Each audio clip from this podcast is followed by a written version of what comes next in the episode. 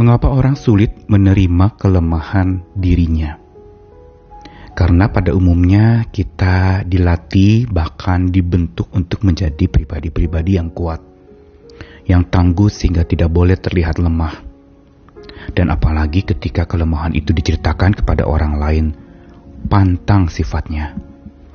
Orang sering kali justru malah menutupi kelemahan dirinya dengan berbagai macam cara Supaya tampak kuat dia menjadi berpura-pura. Supaya dia tampak kuat maka dia menjadi membohongi orang lain bahkan dirinya sendiri. Padahal sebenarnya kelemahan adalah sesuatu yang juga sama kekuatannya dengan kekuatan diri. Dalam arti adalah bahwa kita harusnya sadar secara realistis bahwa lemah dan kuat diri kita itu adalah satu paket. Tidak ada orang yang 100% kuat dan tidak ada orang juga yang 100% lemah. Masing-masing memiliki kekuatan dan kelemahannya masing-masing. Hanya memang kadarnya dan bentuknya berbeda-beda. Sehingga dengan demikian kita harusnya lebih fair dan adil di dalam melihat diri kita. Supaya kita juga bisa menerima dan berdamai dengan kelemahan diri kita. Dan Tahukah dampaknya? Bila kita menerima dan berdamai dengan kelemahan diri kita, maka kita pun akan mampu menerima dan hidup damai dengan orang lain yang lemah dirinya dan imannya. Mari kita belajar hari ini untuk menerima yang lemah. Saya Nikolas Kurniawan menemani lagi di dalam Sabda Tuhan hari ini dari dua ayat tulisan Rasul Paulus. Pertama-tama 2 Korintus 12 ayat 10 Karena itu aku senang dan rela di dalam kelemahan, di dalam siksaan, di dalam kesukaran, di dalam penganiayaan, dan kesesakan oleh karena Kristus. Sebab jika aku lemah, maka aku kuat. Lalu bagian kedua di Roma 14 ayat yang pertama. Terimalah orang yang lemah imannya tanpa mempercakapkan pendapatnya. Rasul Paulus adalah sosok yang sebenarnya berkarakteristik kuat. Dia orang yang sangat handal, militan juga di dalam keagamaannya sebelum mengenal Kristus. Bahkan dia terkenal sebagai para penganiaya orang-orang percaya di abad-abad awal mula-mula dulu ketika gereja berdiri. Dan Rasul Paulus dengan segala kegigihannya punya daya juang yang sangat tinggi tentu saja pantang baginya untuk menyebut dan melihat kelemahannya. Begitu juga melihat kelemahan orang lain. Dia akan memandang remeh orang-orang yang lemah, dan karenanya saat dia menjadi penganiaya orang-orang beragama pada waktu itu, dia sangat-sangat merendahkan dan meremehkan orang-orang percaya itu, sehingga dengan mudahnya dia menghabisi orang-orang percaya pada masa itu. Namun Tuhan mengubahnya dalam sebuah perjumpaan dengan Tuhan yang membuat dia percaya kepada Kristus yang para pengikutnya dianiaya olehnya, maka titik balik terjadi di dalam hidup Rasul Paulus. Sehingga dia memandang menjadi lebih proporsional terhadap hidupnya, terhadap pemahaman imannya, keyakinannya kepada Allah itu sungguh-sungguh mengalami perubahan total. Sehingga Rasul Paulus juga dampak yang paling nyata, dia bisa melihat akan kelemahan dirinya.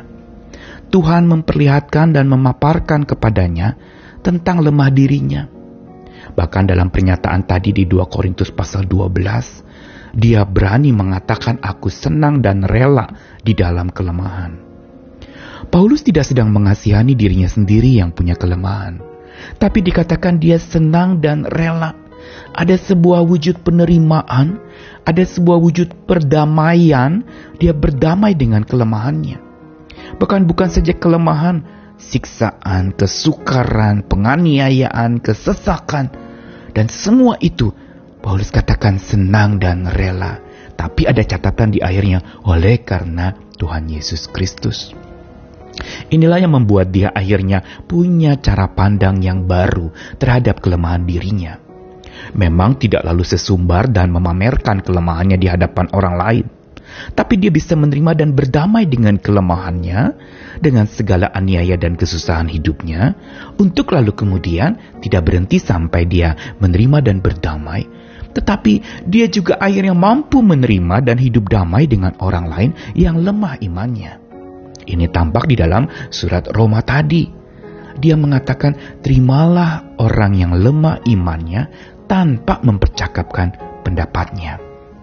Nasihat Rasul Paulus kepada jemaat di Roma ini justru menegaskan kepada setiap kita korelasi yang sangat erat kaitannya antara Paulus memahami, menerima, dan berdamai dengan kelemahan dirinya untuk lalu kemudian diajarkan orang-orang untuk menerima orang lain yang juga lemah imannya. Dan dengan catatan pula tanpa mempercakapkan pendapatnya. Rasul Paulus bukan lalu kemudian akhirnya membanding-bandingkan pendapat yang benar dan salah, tetapi dia memandang orang yang lemah imannya tentu saja punya pendapat yang berbeda dengan dirinya dan dia harus menerima itu satu paket.